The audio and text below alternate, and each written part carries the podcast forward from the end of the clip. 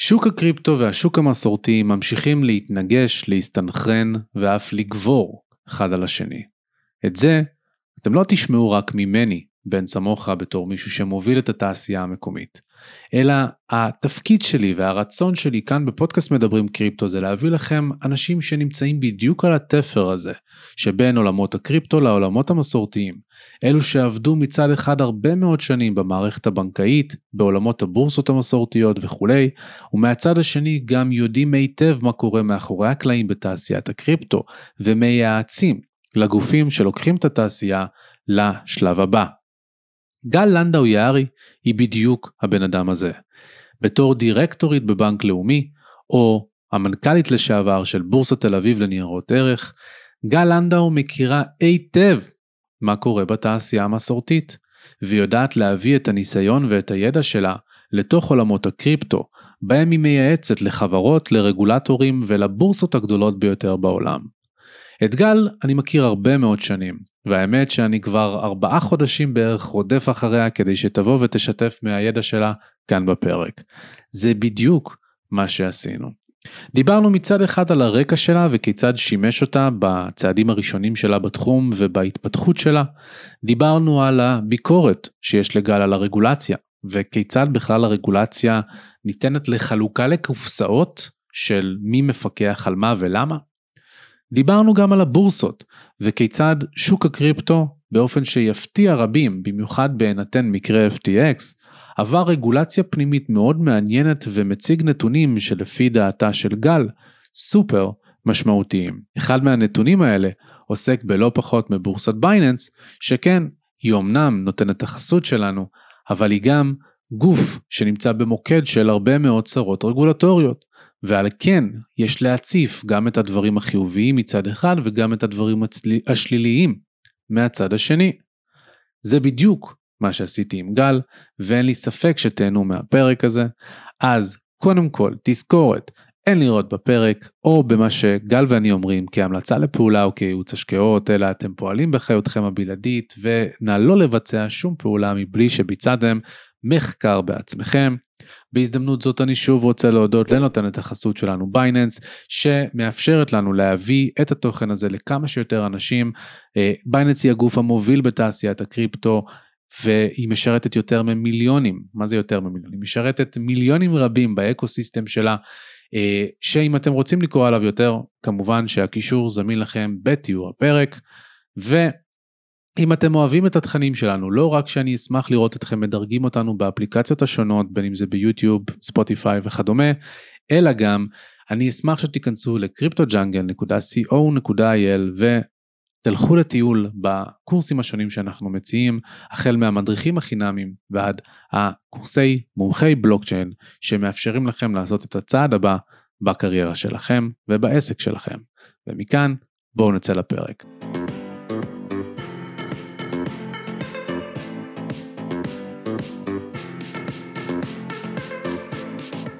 מה שלומך גל? נהדר. ברוכים הבאים לפודקאסט מדברים קריפטו. באמת חיכיתי לפרק הזה הרבה מאוד זמן אני מנסה נראה לי מאז יולי כבר לרדוף אחרייך כדי להצליח להביא אותך לכאן אה, ואני שמח שזה סוף סוף יוצא לדרך. בואי נתחיל אה, בעצם עם הסיבות שבעקבותיהן אני שמח שאת כאן וזה הרקע שלך גם מחוץ לקריפטו וגם לאחר מכן בתוך עולמות הקריפטו אז ספרי לי קצת אה, על גל לנדאו יערי מי את. קודם כל אה, תודה שהגעתי, אני שמחה שחלף זמן, היו פרקים אה, נהדרים אה, מאז שהייתי אז רק החכמתי ואני מאוד אוהבת להאזין לכם. טוב אז אני אספר בריפלי, אני גם וגם וגם וגם, אני גדלתי בשוק המסורתי, אני לא יודעת אם היום החלוקה הזאת היא כבר רלוונטית כי הכל מהכל, אני התחלתי את החיים שלי כרגולטורית אה, בבנק ישראל בפיקוח על הבנקים. אה, בסוף 2007 אה, עברתי לקבוצת הבנק הבינלאומי. הייתה אז קבוצת קבוצה בהתהוות צדיק בינו בדיוק קנה את בנק מסד ואוצר החייל. הצטרפתי כדי להיות מנהלת הסיכונים הראשית של הקבוצה. חשבתי שהדבר הכי מסובך שאני אעשה יהיה ליישם את באזל 2 וב תוך חצי שנה נפל עליי המשבר של 2008. אני עד היום אומרת שזה היה הדבר הכי, אני חושבת התפקיד הכי הכי משמעותי uh, שעשיתי. נשמע כמו פרק בפני עצמו. uh, כן, אני, אני, הדבר הכי מבגר uh, שקרה לי זה היה לאו דווקא המשבר, אלא יותר איזשהו תהליך התבגרות וצניעות. יצאתי מבנק מרכזי וחשבתי שאני פחות או יותר יודעת הכל. קודם הייתי ראש צוות של בנק פועלים, אמרתי לצבי זיף שהוא לא יחלק דיבידנדים וכאלה דברים.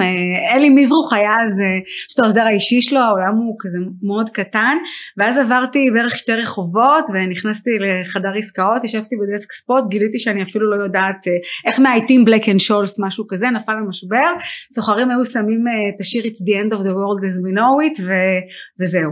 אז אה, זה באמת היה מאוד מבגר התקופה הזאת, ביליתי בבנק הבינלאומי שבע שנים, הייתי מנהלת הסיכונים הראשית, ואחר כך ככה באופן טבעי ניהלתי את כל ה planning והתקציב של הבנק בזמן שבעולם עשו את רפורמת הנגזרים ובאמת תקופת התייעלות גדולה הבנקים סגרו סניפים הלבנות הון.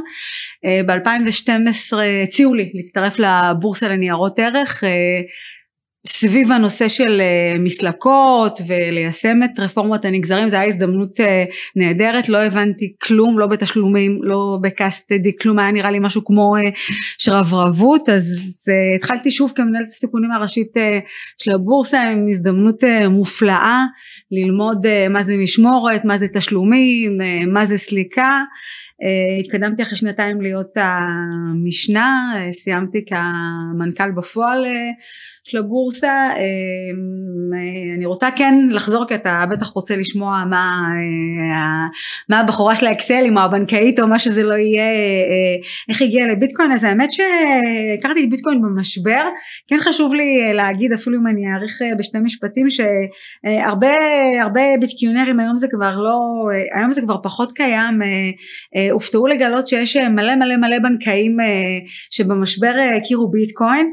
אז אני את הביטקוין הראשונה שלי קיבלתי uh, uh, כמתנה שילדתי את הבן הבכור שלי uh, uh, והוא נולד uh, בשנת 2013 שזה היה יחסית uh, early stage אה, אפילו קצת לפני שהוא, מקווה ששמרת את זה בחיסכון. אפילו, אפילו, לא לא האמת היא שלשני הבנים שלי יש ארנק, אני, אני מקווה שהם, אה, כן, אבל אה, אני כן יכולה להגיד שכמו הרבה אנשים, אתה יודע, האבולוציה שאתה קורא את הנייר הלבן היא, היא מאוד מאוד משתנה, מאוד מאוד משתנה עם, ה, עם השנים ומ...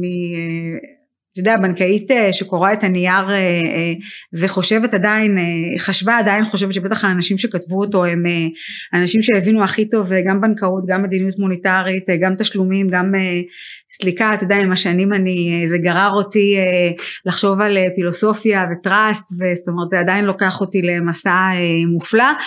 אמ, אז מעבר להיכרות מוקדמת אה, עם ביטקוין ומין אה, אתה יודע משהו אה, אולי קוסמי כזה כי אני שהתחלתי לעבוד בבורסה הייתה באחד העם אחר כך עברתי לאחוזת בית ופתאום אתה יודע איגוד הביטקוין היה נמצא, ב, נמצא באותו רחוב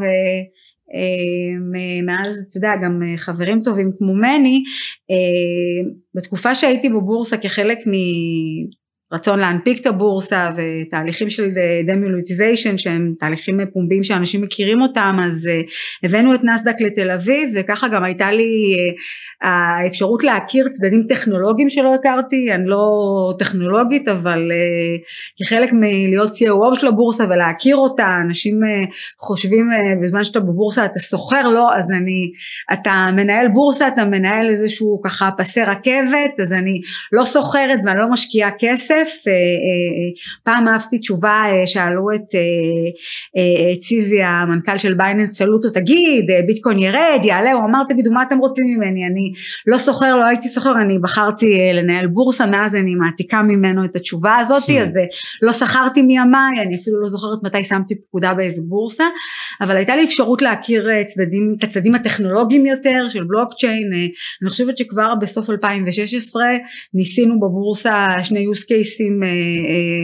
האמת היא אחד מהם הוא מתרסק ככה לתפארת היום עם אסקס, אז כן, בחנו אפשרות לעשות יישום במסלקת הקאש של הבורסה, מה שקוראים לה מסלקת הבורסה, איזשהו use case של קלירינג וסטלמנט, בדקנו את הנושא של, של לעשות את ה, מה שנקרא ההפך משורטים, אם מישהו רוצה לברר למה אין שורטים בישראל, מה שמנסים היום לעשות בבורסה, ומה שנקרא אם הכסף בא התיאבון, איך שעזבתי את הבורסה היה ברור לי שאני, אתה יודע, ממשיכה להתגלגל, התעסקתי ועדיין מתעסקת המון עם מחקר, ניהלתי את, ה, ניהלתי את המחקר במשך שנתיים של המכון לחקר בלוקצ'יין באוניברסיטת תל אביב, בבית ספר למנהל עסקים, אני עדיין עמיתת מחקר במרכז הסייבר באוניברסיטת חיפה, שם הייתה לי אפשרות יותר לגעת בהיבטים קריפטוגרפיים.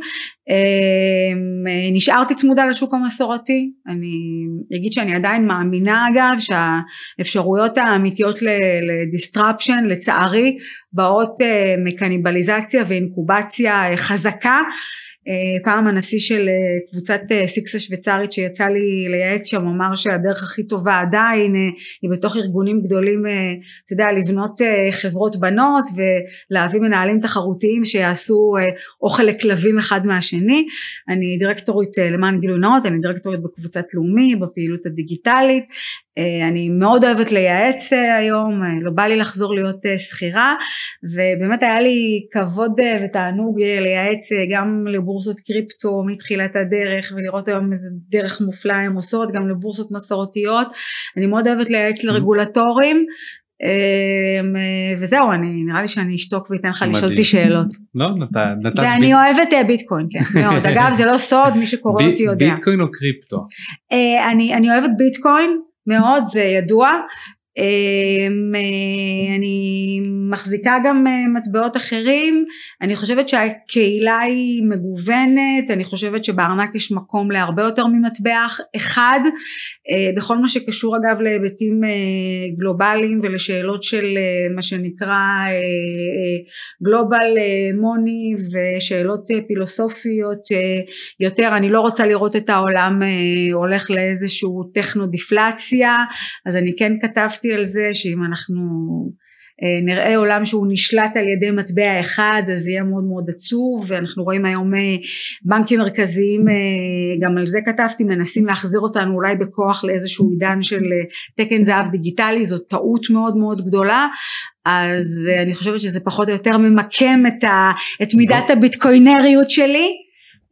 זה, זה דווקא מעניין, אני, אני אדאג להשאיר לנו בתקווה כמה דקות בסוף לנבור גם בזה, כי דווקא אני כמובן בצד השני של הדבר הזה. טוב, גלת כאן משתי סיבות מרכזיות. סיבה אחת זה באמת לעשות סדר טיפה יותר ברגולציה, אני מכיר אותך הרבה מאוד זמן אז אני יודע שיש בך גם הרבה מאוד ביקורת, מצד אחד את מקורבת לצלחת מה שנקרא, מדברת בצורה שוטפת עם הרגולטורים בין אם זה כייעוץ ובין אם זה סתם בתור שיח. ומהצד השני אני רוצה בחלק השני של הפרק שנדבר בעצם על העבודה שלך עם בורסות קריפטו כי את חווית את הרבולוציה של השוק הזה מהבפנים שלו מאחורי הקלעים בייעוץ לחברות שמי מהן תרגישי בנוח לשתף את השם אז תשתפי, תשתפי את השם אבל אני יודע שמדובר בבורסות גדולות ובואי נתחיל בעצם עם הרגולציה. בסופו של דבר היום אני חושב שבשלב זה יודעים שיש הרבה מאוד ביקורת על הרגולטורים בישראל שהם לא זזים, שהם חוסמים את התעשייה הישראלית ואת היזמות בה, בין אם זה מהפן של הברוקראז' והבורסות ובין אם זה מהפן של המערכת הבנקאית. ויש המון רגולטורים שונים שלכל אחד יש את הסמכויות שלו, הרשות לניירות ערך אחראית על מניות, אגרות חוב וניירות ערך כאלה ואחרים, המפקח על הבנקים בבנק ישראל אמור להתוות מדיניות לבנקים, רשות שוק ההון, משרד האוצר, בלה בלה בלה בלה בלה. הייתי רוצה לשמוע ממך קודם כל מי בעינייך הם הרגולטורים החשובים ביותר לשים לב, מה את חושבת על ההתפתחות של הרגולציה עד כה, ובעצם מה מה את רוצה להוריד מליבך? כי, כי אנחנו, אני יודע שאני עושה את זה בצורה שוטפת, גם אני מקיים את השיחות האלה עם הרגולטורים ואני אומר להם את הדברים האלה גם בפנים, אבל הייתי רוצה אה, לשמוע גם ממך.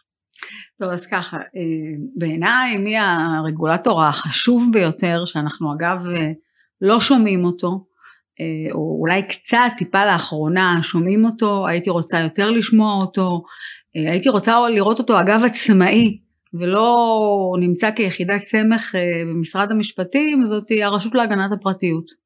אז קודם כל הפתעה. ואז זה קודם כל אמרתי והנחתי בצד אה, ולא כי אני אגב רוצה שמהר נבוא וניישם את ה-GTBR אה, אה, copy paste בישראל אני אגב חושבת שאחת הבעיות ביישום הרגולציה בישראל היא שרגולטורים אה, לא משתמשים מספיק במה שאנחנו קוראים לו national discretion וזה מאוד מתחבר למה שנדבר. אה, אני חושבת ואתה קודם אה, הזכרת לי איזשהו כנס משותף שהיינו בו ואני ככה מה שנקרא עליתי על שולחנות והערתי תראה אני חושבת שיש יותר מדי ביקורת בישראל לרגולטורים בין אם זה שהם לא עושים כלום או אתה יודע מנעד מאוד רחב בין אם זה שהם לא עושים כלום לבין אם זה שהם עושים יותר מדי זאת אומרת אתה יודע הם, מה שנקרא אתה יודע מה שלא תעשה או שמה שהם עושים זהו, לא נכון. מה שלא תעשה תחטוף. עכשיו אה, תכף נדבר מה זה ה-national discretion. תראה ישראל אה, והיום אגב אנחנו נמצאים בזמן שמאוד רגיש ואנחנו רואים את זה. תראה ישראל איך שלא תלך ואיך שלא תבוא אבל לא כסיסמה היא מה שנקרא איזושהי מדינה קטנה עם שפם אי קטן פתוח, כלכלה פתוחה שחשופה לרוחות ומה לעשות גם מושפעת מכוחות גדולים וגם אתה יודע הרבה ביקורת אה, מופנית אל אה, בנק ישראל ואל הנגיד שאנחנו מאוד הרבה בעולם אוהבים אה, לדבר על הריבית ועל הממסר הזה של הריבית אם הוא עובד או לא רק שאנחנו שוכחים שבישראל מה שנקרא מנגנון הטרנספורמציה המנגנון העיקרי אגב זה המטח ולא הריבית. אז במובן הזה אנחנו צריכים לזכור שאם אנחנו רוצים להמשיך להיות אותה מעצמה חזקה גם כי אנחנו מוקפים על ידי מי שבא לכלותנו וגם אם אנחנו רוצים להמשיך אה, אגב באותן העוצמות הסייבריות מכל הכיוונים אין לנו דרך אלא אלא להיות מיושרים לכל אותם הסטנדרטים שאגב מוכתבים מהאורות הגדולים. כי אם יש את הבנק העולמי ואת ה-IMF ואת אה, CPMI היוסקו שזה הגוף המשולב בתחום סטנדרטיזציה בנושא של אה, אה, ניירות ערך ותשלומים ואם יש את הביס שזה הגוף שעושה סטנדרטיזציה בתחום הבנקאות והמינימום אקורדים בהון ובנזילות אז אם יש את אותה מדינת אי קטנה כמונו אז אנחנו לא יכולים הרי לא להיות בסדר בלג של אתה יודע מה פעם זה היה שלוש עכשיו זה חמש עד שבע שנים הלוא המדינה הזאתי אם היא רוצה להמשיך להיות איפה שהיא נמצאת בסדר? וש אנחנו הרי אפילו לא באמת הקטר וההייטק אנחנו לא באמת אפילו שם אבל אנחנו חייבים הרי להמשיך ולהיות מיושרים לחקיקת הלבנת הון והבנקים חייבים להיות מיושרים לבאזל וחברות הביטוח צריכות להמשיך להיות מיושרות לסולבנסי ו ו ו ו בסדר? זאת אומרת אם אנחנו קודם כל נבין את זה בן אז אנחנו נבין שכל עסק שקם בישראל בוודאי סטארט-אפ או ביומד בוא נבין שקודם כל הוא קם עם איזשהו רובד של קנס מעליו. ואם נבין את זה אז אולי נבוא ונסתכל על הרגולטורים באיזשהו מבט סלחני יותר ואני כבר אומרת אני לא מייעצת כיום לאף רגולטור בישראל. זה מה שתמיד אני מנסה להגיד. זאת אומרת וברגע שמבינים שישראל היא מדינה קטנה ומראש השוק בו הוא קטן אם אני ואתה היום אה, נחליט הלוואי תסכים להקים איתי איזשהו סטארט-אפ אני כל חיי הייתי שכירה. יבוא לנו איזשהו רעיון גאוני נמציא מפתח סודי, אתה יודע מה? יש לי רעיון. נברח לקפריסין. לא, לא, אתה יודע תמיד אני אומרת וואלה הלוואי הלוואי, אני חושבת שאחד מהתחומים החמים לאזורי הסופטק והרקטק, תמיד אני אומרת ברגולטורים עסקינן הלוואי ולכל ולכל רגולטור היה מפתח, והוא היה את הרגולציה שלו עושה, אתה יודע, באמצעות הכלים הקיימים בשוק. אבל אתה יודע השוק כל כך קטן שהרי ברור שאנחנו כדי להרוויח כסף צריכים לצאת מכאן החוצה. אז זה שוק קטן אבל מראש ברור שכל מיזם שקם כאן חייב לעמוד בערימה מאוד מאוד גבוהה של סטנדרטים כי מדינת ישראל חייבת להיות אותה מדינה לא להיות אור לגויים אלא אתה יודע להיות בגובה הדלת של הגויים אז קודם כל צריך להבין שמשם אנחנו מתחילים בסדר? עכשיו מהיכן מגיעה הביקורת שלי?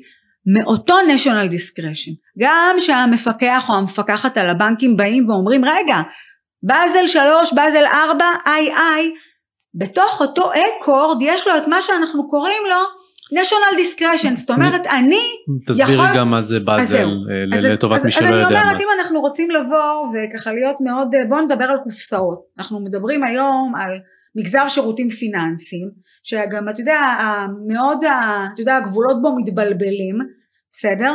וזה גם מתחבר לשאלה אם אנחנו צריכים שהיום נדונה בסדר? ואגב היא נדונה פחות או יותר סביב 70 שנות המדינה או אפילו מאז המנדט אני יכולה להגיד לך מאז 1920 אה, כמו ב-FCA וכמו בסינגפור. השאלה אם אנחנו צריכים אה, מה שנקרא שתי יהודים שלוש מפלגות אם אנחנו צריכים רגולטור יהודי אחד או שאנחנו צריכים אה, רגולטור על אחד ותכף נדון בזה גם. ואם אנחנו בכל זאת מנסים היום לפלח את אותו מגזר שירותים פיננסיים לכמה קופסאות אז בואו נדבר על קופסת הבנקאות, בסדר? עליה אמון המפקח על הבנקים שיושב בתוך בנק ישראל והרגולציה היציבותית שלה וגם הרגולציה היותר חשובה היום שהעולם הרבה יותר מסתכל עליה שזה כל מערכת היחסים בין הבנק לבין הלקוח ההוגנות שים לב כמה אנחנו רואים כל יום בעיתון על קנסות היא נמצאת בתוך באזל לידה בואו נסתכל על אוכלוסיות חברות הביטוח תראה. באזל אני רק אחדד זה בעצם רגולציה בינלאומית שמכילה על הבנקים והיו באזל 1 ו2 ו3 ואנחנו ו... כבר נמצאים בארבע וחצי בדיוק. אפילו. והיא שמה מגבלות אגב הון. בסדר? מגבלות יציבותיות שהבנק מה שנקרא יחזיק ניהול, בואי נשאיר את זה על ניהול הלאה. סיכונים. הריבוע השני בוא נסתכל על חברות הביטוח שהם מאוד השתדרגו בשנים האחרונות ותראה גם כמה עניין הם אגב הן אגב מעוררות כי אנחנו יותר ויותר רואים שאנחנו, שפקדונות בבנקים הם אגב לא פחות חמים ומסוכנים מאשר כספי חוסכים ותוכניות חיסכון. אנשים יותר ויותר מבינים את החשיבות של חיסכון פנסיוני ודבר שאנחנו לא ערים לו בין זה המבנה הדמוגרפי של מדינת ישראל ולכן גם יש המון המון המון המון כסף שמצטבר אצל המשקיעים המוסדיים שלא נמצא לא בבורסה בתל אביב וגם לא בארנקים בביטקוין ונמצא אי שם מעבר לים ולכן בשנים האחרונות הסיכון של חברות הביטוח והסיכון של כספי החוסכים והסיכון של החיסכון הפנסיוני הולך ועולה ועולה ועולה ועולה בכל העולם אגב בישראל בקצבים גדולים יותר בגלל המבנה הדמוגרפי ולכן השיתו על כל חברות הביטוח בדיוק את אותה רגולציה יציבותית וגם אותה רגולציה של מה מערכת היחסים שלי כחברת ביטוח עם הלקוחות שלי. זאת קובייה שנייה. לידה נמהר אנחנו יכולים לשים ביחד את הברוקרים ואפשר לחבר אליהם אני נזהרת מה שאנחנו קוראים לו יועצים וכל יתר המתווכים. בואו ננסה לדבר על מתווכים אינטרמידיאריז שהם מה שנקרא לא לוקחים על עצמם את הסיכון אינטרמידיאריז צד אחד ברוקרים. בישראל אין לי בעיה לשים את כולם בקופסה אחת משום שהם אני אשתמש במילה בוטה הם קצת נכים. אנחנו ראינו אגב ממש בשבועיים האחרונים שרשות ניירות ערך מנסה לסייע לקדם את התחרות. לצערי בישראל כל עולם הברוקראז' והברוקרים נדחק ונטחן המון שנים מתחת למערכת הבנקאית לא עושים מספיק כדי לתת לו כנפיים. בנקאות ביטוח מתווכים למיניהם one sided לא תמיד לוקחים סיכון והרשות לניירות ערך. ושנייה לא זה אנחנו דיברנו על השוק ובוא נפתח כאן משהו שאנחנו לא יודעים איפה הוא נגמר פינטקים ביומדים ביטקוין based בלוקצ'יין based משהו שאנחנו קוראים לו innovative based אני אפילו לא יודעת להגיד אם הוא חדשני כי אתה יודע כל הנושא של מימון אלטרנטיבי אגב קיים אולי מתקופת הצורפים בסדר? בוא נפתח את זה ונשים אותו שם. ליד זה אתה רוצה שנדבר על רגולטורים המפקח על הבנקים המפקח על הביטוח שקיבל גם סמכויות לפקח על נש"פים, בורסות קריפטו, כל העולם אז, האלטרנטיבי, הם רבים ביניהם אגב מי ישים את הידיים על, לעשות, ו- וכמובן שיש התגוששויות מי ישים את הידיים על אותו על עולם הקריפטו. אלטרנטיבי, שעל אותו, אתה יודע מה, אני אפילו לא רוצה להגיד קריפטו, אני מאוד רוצה שנקרא לזה עולם אלטרנטיבי בין כי הוא רחב ומגוון והוא מתערבב ויש בו המון המון אלטרנטיבה ואנחנו לא רוצים אגב שהוא ימשיך להיגרס כמו עולם הברוקראז' אגב שתסתכל בעולם אגב התחיל מאוד מאוד יפה וגם uh, מה שנקרא נכנס מתחת uh, אז... לגלגלי הצד המסורתי. כן. אז אני אעשה איזשהו סיכומון קטן, בסופו של דבר באמת יש הרבה מאוד גופים פיננסיים שפועלים מסוגים שונים, בין אם זה בנקים, חברות ביטוח, קרנות פנסיה, ברוקר, ברוקרים ומתווכים נוספים, וכל אחד ואחד מהם בעצם חווה בעצם את הרגולציה שלו תחת רשות מפקחת אחרת, בין אם היא כפופה לממשלה, בין אם היא כפופה אה, לוועדות בכנסת ובין אם זה ל, ל, אה, גם גופים בינלאומיים. אה, מה שקורה היום זה שאני אוהב להגביל את זה בעצם לקורונה, זה שהיה לנו אה, המון משרדים שונים, משרד חינוך, משרד בריאות, משרד זה, משרד זה, ומינו פרויקטור. בקריפטו או בעולמות הבלוקצ'יין או בעולמות האלטרנטיביים עוד לא ממנים, עוד לא הגיעו לתובנה שיש פה צורך במינוי פרויקטור מאחר ויש כאן אה, חדשנות שחוצה על פני רשויות נוספות. ופה אני בעצם רוצה להעביר את השרביט בחזרה אלייך לדבר על הביקורת שזה למעשה אומר אם היית צריכה לבחור את אה, שני הדברים שהכי מפריעים לך בהתנהגות של הרגולטורים בישראל כלפי התעשייה בין אם זה הקשיים במערכת הבנקאית, בין אם זה הבריחה של היזמים, בין אם זה העובדה שנותנים לקריפטו דוט קום לפרסם בטלוויזיה עם דיימון אבל חונקים את הברוקרים והבורסות הישראליות. אז מה, מה בעצם הדברים שהיית אומרת שהם צריכים להיות ה-top one or two priorities כדי שכמובן יהיה לנו מספיק זמן לדבר גם על הבורסות. אתה יודע שהרבה זמן חשבתי על הנקודה הזאתי. דווקא בזמן שישבתי בבורסה. כל החיים הייתי גוף מפוקח. ואתה יודע, זה לא רק שלכל גוף יש את הרגולטור היהודי שלו, אל תשכח שזה גם מטריצה, כי יש לך גם רגולטורים לפי נושא. יש גם ממונה על הלבנת הון, זאת אומרת קם בנקאי בבוקר, יש לו גם את המפקח על הבנקים, אבל יש לו גם מפקח לפי נושא. זאת אומרת, עכשיו אני יכולה להגיד לך, רק בתור משפט, שהבורסה היא בכלל גוף שאם תעשה לו מטריצה, אתה בכלל לא יודע מאיפה אתה בא. Hmm. זאת אומרת, אז אתה יודע, הייתה לי תקופה בחיים שהייתי מאוד מתוסכלת גם. ואני גם, אתה יודע, אני גם לא תמיד מנומסת, ואני יש לי נטייה לעצבן, ואני עולה על שולחנות, ואני תמיד אמרתי, למה זה מגיע לי אגב? ולקח לי המון המון זמן, ולהבין שאין כאן שום עניין פרסונלי, אין כאן שום עניין מבני, ואם יהיה זמן נדבר בצד, למה זה בכלל לא משנה, משום שמה שנקרא ה-wrong way אה, שנקרא ריסק יכול לקרות בין אם אתה עובד אה, במבנה אתה יודע מה שנקרא מבוזר יש לך רגולטור לכל סיכון, יש לך אחר כך רגולטור פר נושא, והם עובדים במטריצה, ואז הם אומרים לך שהם עושים מה שנקרא netting אחד לשני, או שאתה עובד במבנה FCA, במבנה סינגפור, ואז יש לך איזונים ובלמים למעלה, סטייל הממשל האמריקאי, האמת היא, לא כל כך, האמת היא בינינו, אתה יודע יש כל מיני תיאוריות ב industrial organization ותורת המשחקים, כמות המחקרים שכתבו על זה, בא לך למות, היו בישראל לפי דעתי איזה שבע או שמונה ועדות, מבין חורין בשנות ה-60, מה המבנה הרגולטורי הנכון וגם בעולם, אני באמת אומרת לך, אני, פעם עניין אותי, נפל לי האסימון בצורה מאוד פשוטה, הדבר היחידי שאין וזה עניין של שקיפות וסטנדרטיזציה ודאטה שיירינג וזה לא סלוגן. והדבר הזה אתה רואה אותו עוד פעם ועוד פעם ועוד פעם ממשבר, ממשבר למשבר. כי תבוא היום ותשאל שאלה אחת פשוטה. תבוא ותשאל ואני אומרת לך אני גיליתי את זה בבורסה. תבוא היום בבורסה ו... ותראה. אני אתן דוגמה אגב משחקן בשוק שזה לא כל כך משנה. וזה מראה אגב מה שיש בשוק הקריפטו ואין בשוק המסורתי. אתה בא תיקח שחקן כמו תשובה, שזה שחקן אגב שנוהג במסורתיות לעשות הסדרי חוב, זה ברמת העובדה חלילה אני לא מעליבה אותו.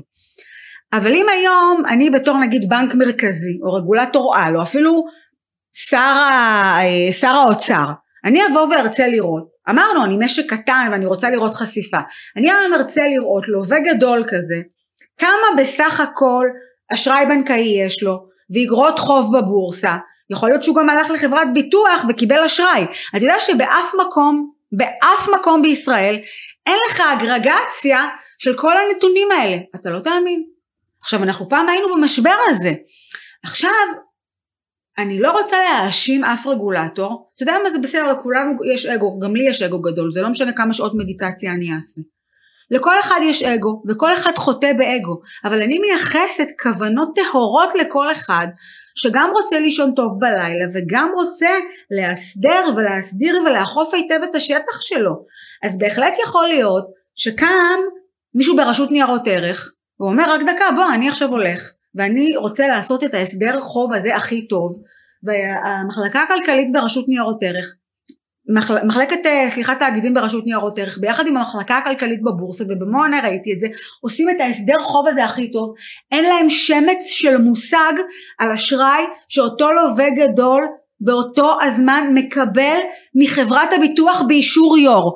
אין להם בכלל נתונים במקביל על אותו לווה גדול שיש לו קרדיט פתוח בחמשת הבנקים הגדולים.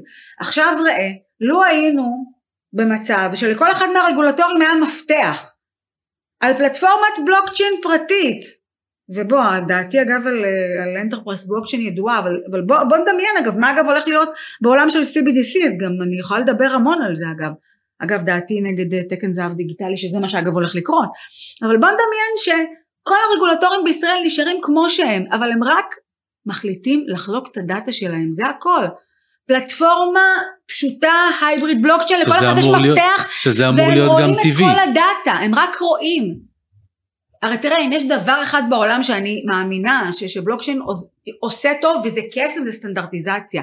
מספיק שהם כולם היו על מאגר דאטה אחד וכולם היום היו רואים את החשיפות רק את זה רק זה מה שאני רוצה שהם יראו. קודם כל לא היינו רואים ותאמין לי שאני קוראה מהר ואני גם אוהבת לקרוא אני בחורה מוזרה לא הייתי כל יום רואה מיליוני דוחות מיליון, מיליוני דאטות, כל אחד גם, נכון. עזוב אותך שהוא מאבן אחר, מחשב ור אחר, מביא לך נתונים שאתה לא יודע בכלל לחבר אותם. זה מקור הבעיה בישראל, זה מביא אותנו לכשלים, וזה, אתה יודע מה, אני לא רוצה להגיד מילא כשלים, אבל מה שזה בסופו של דבר מביא אותנו, זה מביא אותנו לשתי הבעיות המרכזיות אגב, שאנחנו אגב רואים לא רק בישראל, זה מביא אותנו לעשות רגולציה בצורה של patches, אגב שזה, שזה מונח, זאת אומרת בצורה של פלסטרים, כי אתה יודע מי, כי עכשיו אף אחד לא יכול לבוא ל core לגרוס את הכל, כי לאף אחד אין סמכות, אז קודם כל אתה רואה patches של רגולציה, בדיוק אגב כמו שאתה רואה שעובדים ב, אתה יודע, במערכות ליבה, בדיוק כן. כמו בטכנולוגיה, ו overlapping. זאת אומרת, ולכן שאני אומרת בסוף שהרגולטורים גם בסוף יוצאים מסכנים, או שהם עושים יותר מדי, או שהם עושים פחות מדי.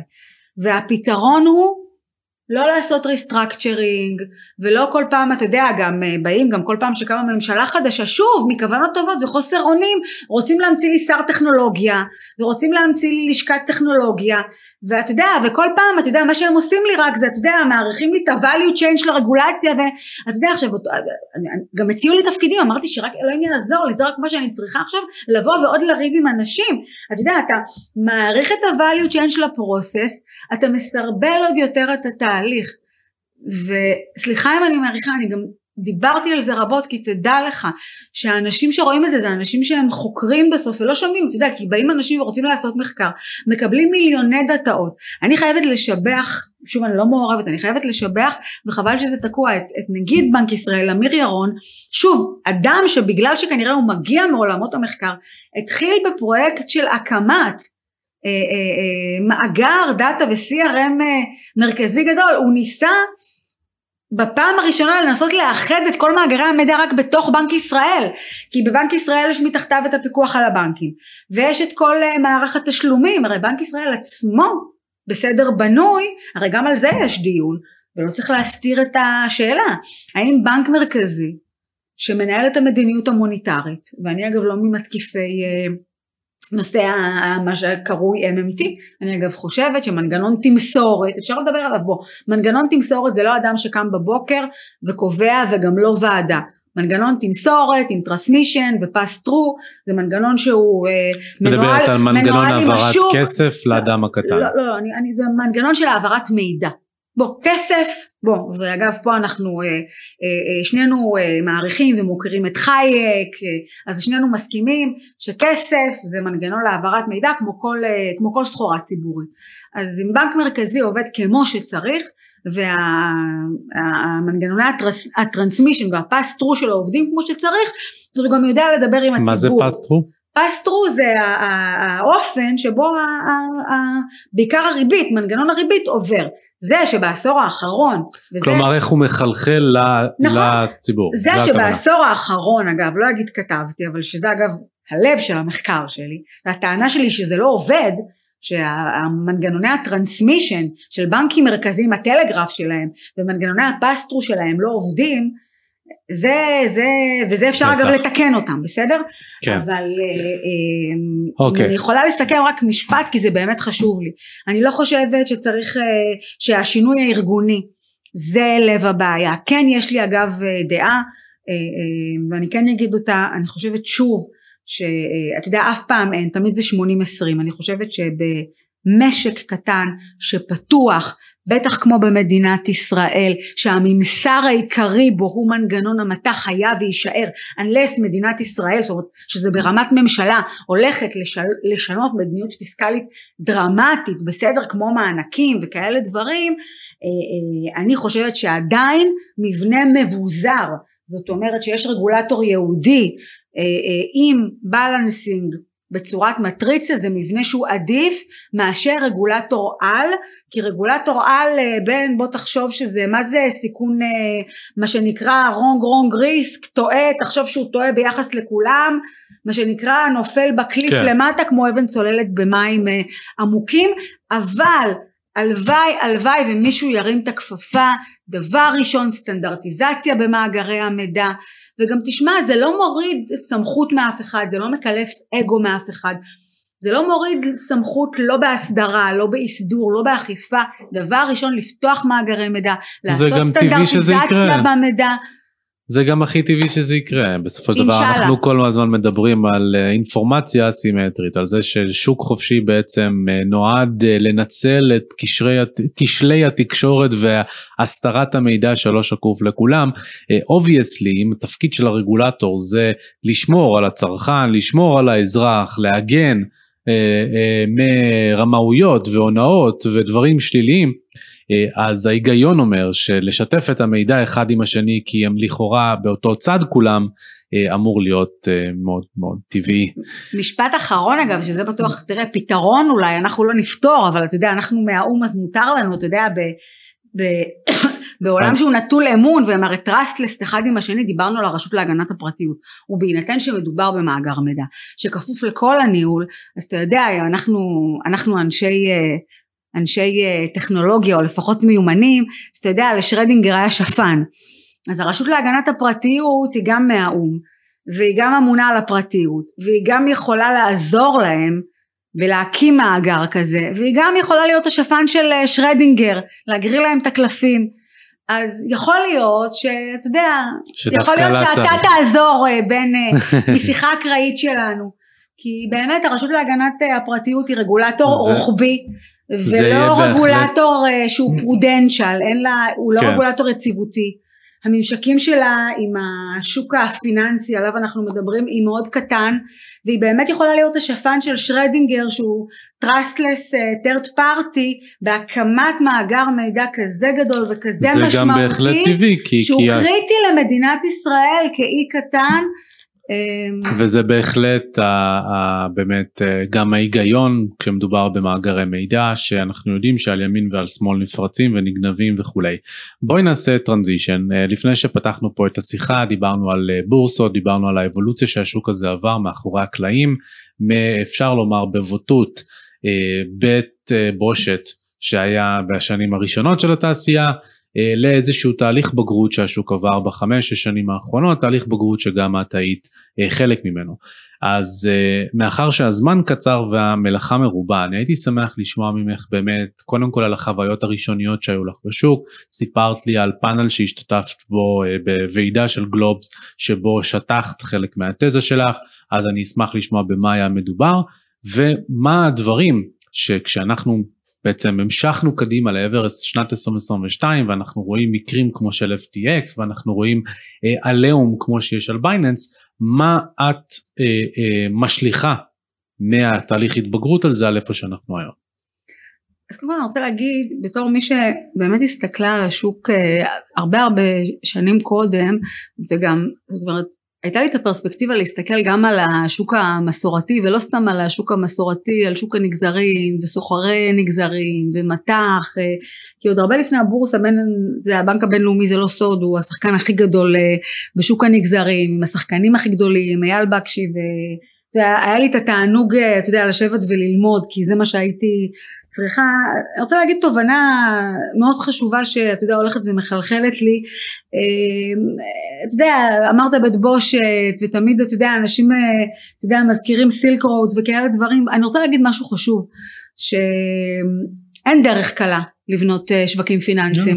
וזה הכל בידיים וזה הכל בשרברבות ואתה יודע אפשר ללכת לגדולי, ה... לגדולי המחקרים אה, שנכתבו ואתה יודע זה לא תיאוריות בתורת המשחקים לבוא ולהגיד שאתה יודע בלי מדפנים כנראה אה, ובלי אבולוציות שוק אחרות כנראה שלא היו נבנים השווקים הפיננסיים הכי, הכי מפוארים. אז אני בטח לא באה ולא מעודדת חלילה שנטעה לא, משקי בית, אבל, אה, אבל בוא, אבל, אבל אתה יודע, אבל האבולוציה היא מאוד מאוד ברורה משווקי הנגזרים לשווקי המטח, לפלטפורמות מטח, אה, אה, לפלטפורמות הקריפטו, אין מה לעשות, אלה הם הסוחרים, אלה הם האנשים שהם חתולי הרחוב שמכירים את השרברבות, מהם אנחנו לומדים אה, אה, וצריך לכבד את השווקים איך שהם עובדים, הם באים לשיווי משקל, הם גם שווקים חכמים וזה משהו מאוד חשוב שאני רוצה גם לדבר עליו באמת בהקשר של רגולציה ובהקשר של, ה, של הדרך שהשוק, אה, שהשוק הזה הלך כי אני חושבת שיש משהו מאוד מכובד במה שהוא עשה ואפשר אגב לשמוע את זה מכל אחד מה הרגולטורים. אגב אה, ראשון אה, שעומד ומדבר על זה זה זה גרי אה, אה, גנגסלר אה, היו"ר של ה-SEC וזה אדם שאי אפשר אה, לטעות בו לא בגלל התפקיד שהוא נמצא בו לא בגלל שהוא פרופסור אה, למימון אה, שבילה לא מעט אה, שנים אה, ב-MIT גם במעבדות אלא בגלל שזה בן אדם שמה שנקרא גדל בשוק ומכיר את השרברבות שלה. זאת אומרת אם יש מישהו שהוא לא פראייר ויודע איך אה, נראה נגזר וגם שם אה, פקודה בבורסה זה הוא. אה, אחד מהדברים הכי יפים, הכי יפים, שקרו בשוק הקריפטו זה רגולציה עצמית נקודה. אני לא מכירה אף שוק אף שוק שראינו את התהליך הזה. ולי הייתה הזדמנות אה, להכיר אה, מאוד מאוד מקרוב את שוק האופציות הבינאריות. מאוד מאוד מקרוב. אה, ולהכיר מקרוב זה אומר גם שאני אגיד כאן משהו רק שלא פה יפלו מהכיסאות אני חושבת שאופציה בינארית זה מכשיר יפה. זאת אומרת מה אנשים אחר כך עושים איתו זה אתה יודע אנחנו מכירים את אה, חוקי הטכנולוגיה הם לא רעים הם לא טובים הם אפילו כנראה גם לא אדישים. אה, למי שלא מכיר את אה, יוסי ביינרט זכרו לברכה שהיה מנכ"ל הבורסה והיה בוס שלי אלה היו השנים הכי טובות שלי הוא ניהל את בורסת הנגזרים הכי גדולה בשיקגו. למי שלא יודע הוא הקים את פלטפורמת האופציות הבינאריות הראשונה הגדולה ביותר בלונדון. זה גם היה האקזיט הראשון שלו הוא עשה עליו הרבה כסף. הוא מאוד אהב אופציות אופציות אה, בינאריות. אה, זה מכשיר יפהפה והוא גם אחר כך היה אדם אה, שעזר ל-CFTC להכניס לכלא את גדולי האנשים ש... שהיו מעורבים בפרשיות. שעשו את מה שלא צריך כמו משפחת בן שבת וכאלה אנשים שגם אחר כך בירכו אותי וכאלה דברים. אז אני יכולה להגיד שאת סצנת האופציות הבינאריות אני מכירה היטב בנק בנק ואת הפעילות אה, אה, אגב אלה פעילויות יפהפיות אלה היו מכונות marketing איך זה מתחבר לקריפטו? למה שאני רוצה להגיד שאנחנו לא ראינו שם בתור פעילויות שגדלו והשיאו רווח כמה מהם אגב היו בתור להנפיק את עצמם ב London Stock Exchange לא ראינו בנייה פנימית של מערכים של self regulation ששכנעו את הרגולטור אם אני עכשיו חוזרת אחורה לסוף 16 תחילת 17 אנחנו באים ורואים את בורסות הקריפטו לא רק הגדולות רואות את עצמם נמצאות בכאוס רגולטורי שמצד אחד הן באות אה, ויושבות ביחד עם המשקיעים הכי גדולים באותה תקופה בוואלי עם פיטר טיל, עם חברות האינדקסים הכי גדולות שמות על השולחן שאני הייתי מעורבת רצון הרי להנפיק ETF ים ואז היינו נמצאים בעומק סירקולציה כזה שאפשר היה לבנות market depth ואפשר היה לבנות נזילות כדי להנפיק ETF ים, זאת אומרת ישבו Vanguard, שום דבר לא סוד, היום המצגות האלה פומביות, זאת אומרת יושבות הבורסות עם כסף גדול שרוצה להיכנס לשוק מול רגולטורים שלא מה שנקרא אפילו מדגדגים את האצבעות כדי לבוא ולגשת ולעשות רגולציה פוזיטיבית ואנחנו רואים את ה-IMF, את הבנק העולמי מוציאים אמירות ש... אני, מדובר בשוק נישתי, רוצה... מדובר בשוק נישתי שלא מהווה איום. עכשיו אני רק אגיד משפט, מה שהדבר הזה עושה הוא לא מייעל את השוק, אלא מה שהוא עושה הוא עוד יותר מחמיר את הארביטראז', שני דברים, מחמיר את הארביטראז' שקיים גם ככה עוד מרפורמת הנגזרים בין ארצות הברית לשוויץ ופותח עוד פתח לכל מי שרוצה לרמות ונכנס מה שאנחנו רואים בכותרות כי זה מה שמעניין והכל זה את ההלבנות הון. אני רוצה להחזיר אותך לקריפטו כי, כי כן חשוב לי שנספיק לא, לא רק על קריפטו אני מדברת ו, ואז מה שאנחנו רואים זה שמחליטות בורסות לקחת את גורלם בידם ואני רוצה לתת כמה דוגמאות זאת אומרת בין אתה רואה שבורסות לא רק מכניסות uh, מנגנונים פנימיים uh, כמו uh, דברים טבעיים כמו פקודות של stop loss או, או דברים טבעיים או מכניסות או הולכות וקונות מה שנקרא מערכות מסחר מנאסדק ודברים טבעיים אתה רואה שבורסות מתחילות להכניס מנגנוני שוק כמו האלט וכאלה דברים שרגולטורים עושים בסדר? זאת אומרת אני, אני זאת אומרת זה לא שהם נותנים נטינג אה, וקומפרשן ללקוחות גדולים שבלי זה סליחה סוחר גדול לא יזיז את התחת ולא יסחר זאת אומרת אלה דברים טבעיים בסדר? זאת אומרת ומכניסים post trading וכל המנגנונים שבלי סטנדרטיזציה אף כסף גדול לא ייכנס אני עצמי הייתי מעורבת במצב שאתה רואה שבורסות גדולות באות ואומרות לי תקשיבי בואי תעזרי לנו ותגידי לנו איך רגולטורים באים וקובעים איך אנחנו חותכים ואיך אנחנו מקזזים ואיך אנחנו נעשה halt לבורסה בסדר? במקרה שיותר ויותר ירד, בדיוק, בדיוק. זאת אומרת אני אמנע מלהגיד שמות, זאת אומרת בורסות באות ואומרות זה להיות או לחדול. בואי תגידי לנו איך מגניב. אנחנו נעצור front running, תראה כמה זמן לקח אגב לוי להכניס את ה roll out שלו ואיך הוא נלחם ב validator ים כי הוא מבין בסוף ולא משנה זאת אומרת יכול ה Bank of Canada ויכולה רוסיה ויכול לבוא המון המון כסף ולהגיד לו ו-CBDC של הבנק הרוסי היום שום דבר לא סוד לבוא להגיד לו תשמע אנחנו מתים על, ה, על, ה, מתים על ה validator ים שלך אבל הוא מבין בסוף שאם ה validator ים האלה קוראים להם rent seekers והם גם בסוף עושים לו את ה bots האלה שעושים לו mm-hmm. גם front running הוא מבין שאין לו ברירה הוא בעולם כן. של self regulation והוא אומר לעולם אני לא רוצה front running על ה Ethereum. מגניב. אז בעצם מה שאנחנו אה, רואים כאן מבין השורות זה שבשנים האחרונות היה הרבה מאוד תהליך של רגולציה פנימית, זה תהליך שגם אני מדבר עליו לא מעט. אה, מצד אחד יש מקרים מזעזעים כמו FTX שבהם לא הייתה שום רגולציה פנימית וכולי, ומהצד השני יש בורסות שהכניסו פרקטיקות לאורך הדרך ופנו באמת ליודעי דבר מתוך המערכת המסורתית כדי לדעת לבצע את ההתאמות. יש נושא אחרון שאני רוצה שנספיק בשלוש דקות שנשאר לנו לשוחח עליו אה, וזה למעשה האבולוציה שעברנו עד לכדי אה, שנת 2022.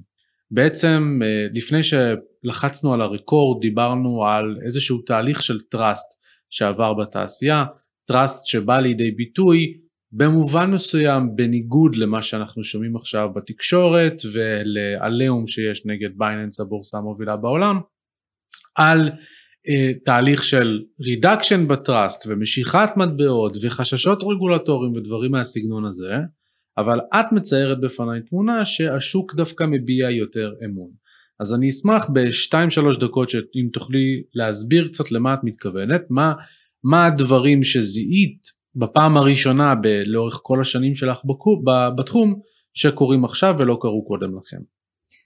אני רוצה להגיד לך שזה לא רק, אנחנו רואים את זה כבר כמעט שנתיים, וזה מדהים אגב, איך אתה רואה את זה בתנועת מספריים. כי בשוק המסורתי, בן, אנחנו לא מצליחים לבנות trust. אתה יכול לראות את זה בישראל, אתה רואה השוק לא מעניש, משקיעים מוסדיים לא מענישים אף שחקן שעושה הסדרי חוב. וגם בארצות הברית תבוא ותראה, גם שהשוק הוא semi strong, תבוא מה קורה לראות עם ה green bonds והזבל. שוק הקריפטו, וזה לא בגלל שאני אוהבת קריפטו, אוהבת ביטקוין. אנחנו רואים את השוק, אגב, מחנך לערכים.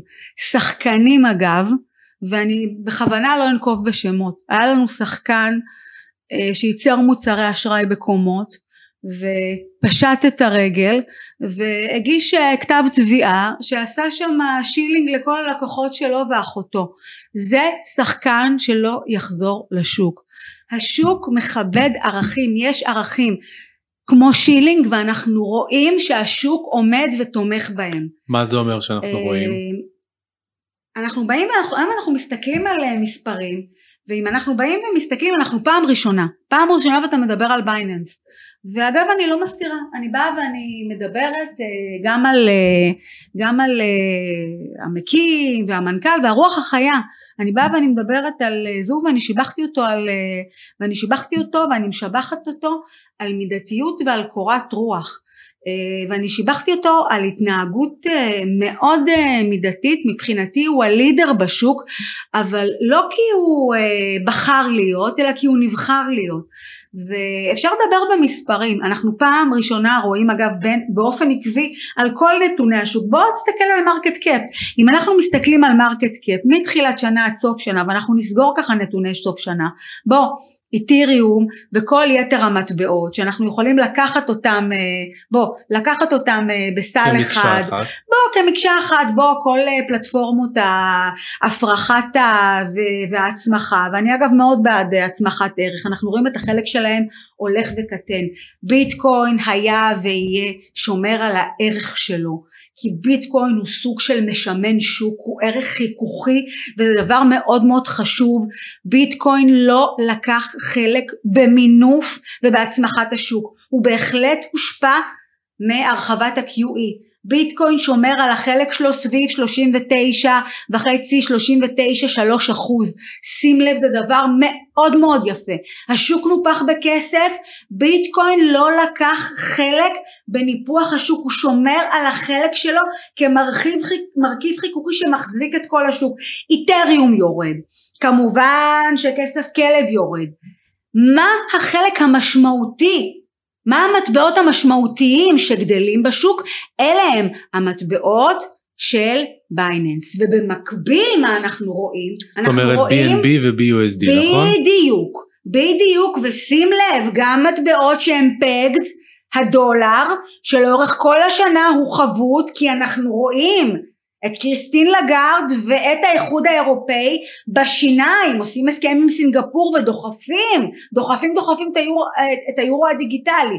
זאת אומרת אנחנו רואים אנחנו רואים מנהיג ורואים בורסה דיגיטלית אגב שעשו לה מי שברך בארצות הברית לא צריך לבוא ולהרחיב.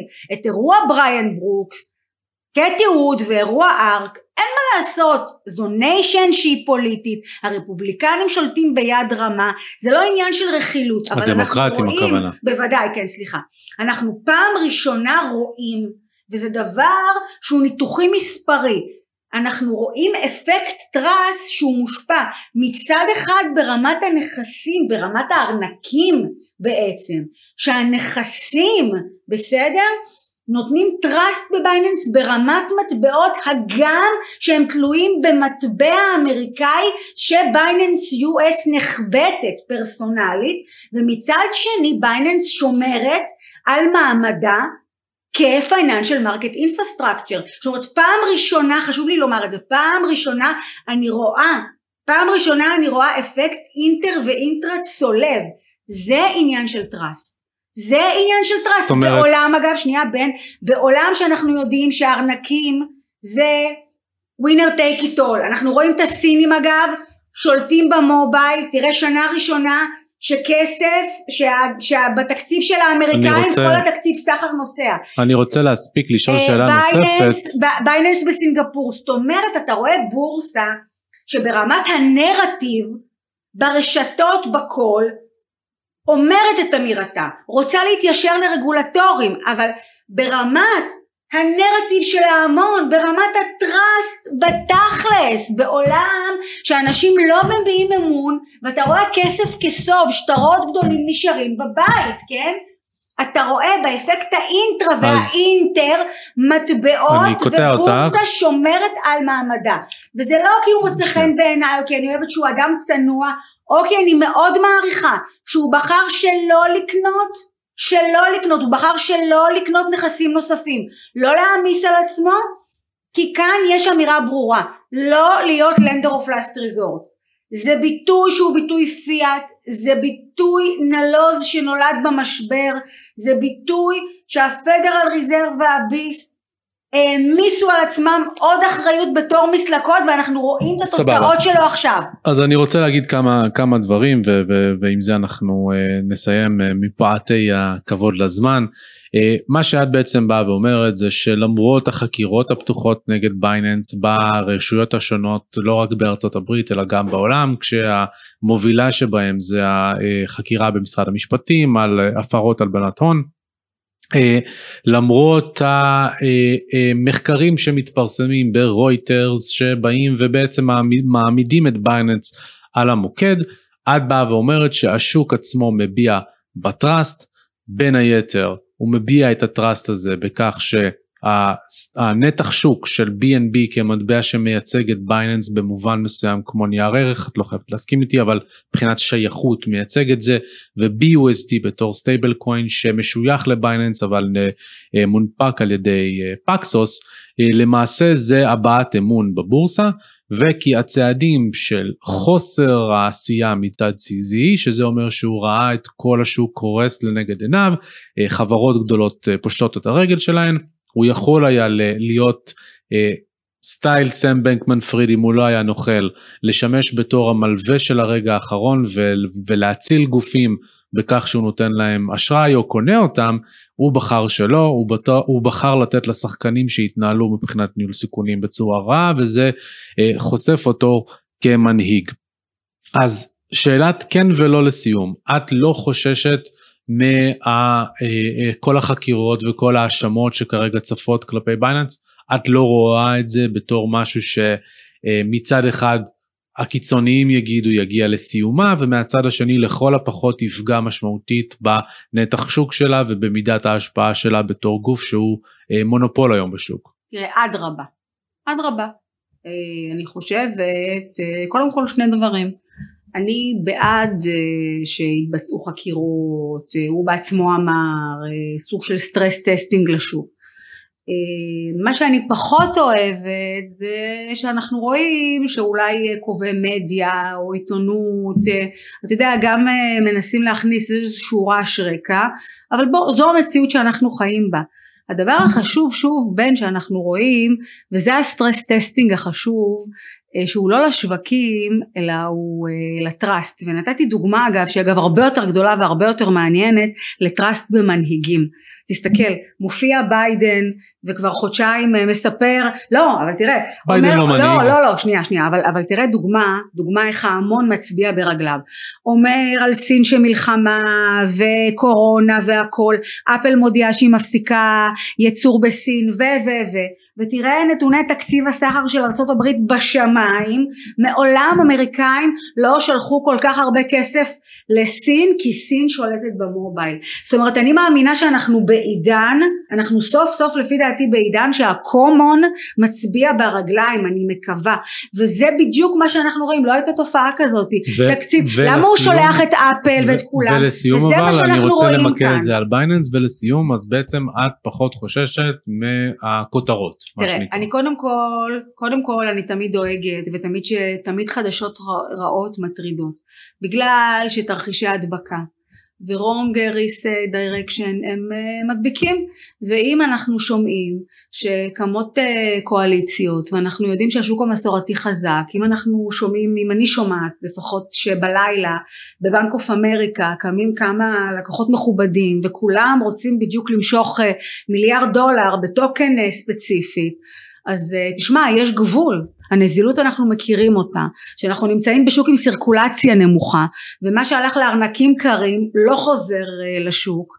אז אם אנחנו נמשיך ונראה שיש דחיקה ודחיקה ודחיקה אז אני בוודאי אני מקווה ואני רוצה להאמין שאנחנו נגיע למצב של normal cost of business. תרחישי קיצון הם לא נועדו cost of business. mm-hmm. אני מאוד גאה לראות קור רוח אני מאוד מאוד גאה לראות אני ראיתי לפני יום או יומיים שהם מינו compliance חדש. אני מאוד מקווה אגב שרגולטורים בעולם אתה יודע ימשיכו לקבל ויעשו משהו עם הושטת היד הזאתי כן. אני לא רוצה לראות אתה יודע שממשיכים מה שנקרא לשחוט את השווקים. אני לא רואה מדהים. ערך בזה. מדהים ציינת לאורך הדרך שפרסמת מאמרים ושאת מפרסמת אותם לפעמים למי שכן רוצה להקשיב וללמוד יותר על התכנים שלך איפה הוא יכול למצוא את התכנים האלה איפה הוא יכול למצוא את מה שאת כותבת. האמת שאני די נטולת רשתות מבחירה אני חובבת פרטיות אני, אני מאוד אוהבת את ה LinkedIn שהיא בכלל נהייתה רשת לוהטת היא רשת מקצועית יש לי network מפואר, שם מצורפים גם מאמרים אקדמיים שפרסמתי, פרסמתי מאמרים עם דן עמירם, עם יניב פלדמן, כן כן, אני עובדת עם Cambridge Alternative Finance, אז אפשר לראות דברים שקשורים אגב ל mining, שבכלל אגב לא דיברנו, כן יש עוד המון המון דברים, פעם הבאה תבואי לפה לשלוש שעות, אבל בינתיים היה פשוט מצוין, כיף שבאת גל, שמח שיצא לנו. היה נהדר, כיף שהזמנת אותי בן, אתה תענוג. בדוק, ובפעם הבאה שוב. חן חן המון תודה. אם כבר נשארתם איתנו עד עכשיו, איזה כיף לנו, נשמח שתדרגו אותנו באפליקציות השונות כדי שנוכל להגיע לכמה שיותר אנשים, כמובן שתשתפו את הפרק עם חברים, משפחה וכדומה. ואם אתם מעוניינים להמשיך ללמוד על עולמות הבלוקצ'יין והמטבעות הדיגיטליים וכיצד הם נוגעים בכם, בעסק שלכם, בקריירה שלכם וכמובן בעתיד הכלכלה והכסף, אני מזמין אתכם להיכנס ל-cryptojungle.co.il לקבל את כלל המידע מהמדריכים החינמיים ועד הקורסים המלאים והמקיפים וה... גדולים ביותר שתוכלו למצוא בארץ, המעמיקים ביותר, אז חבל שתפספסו. נתראה בפרק הבא.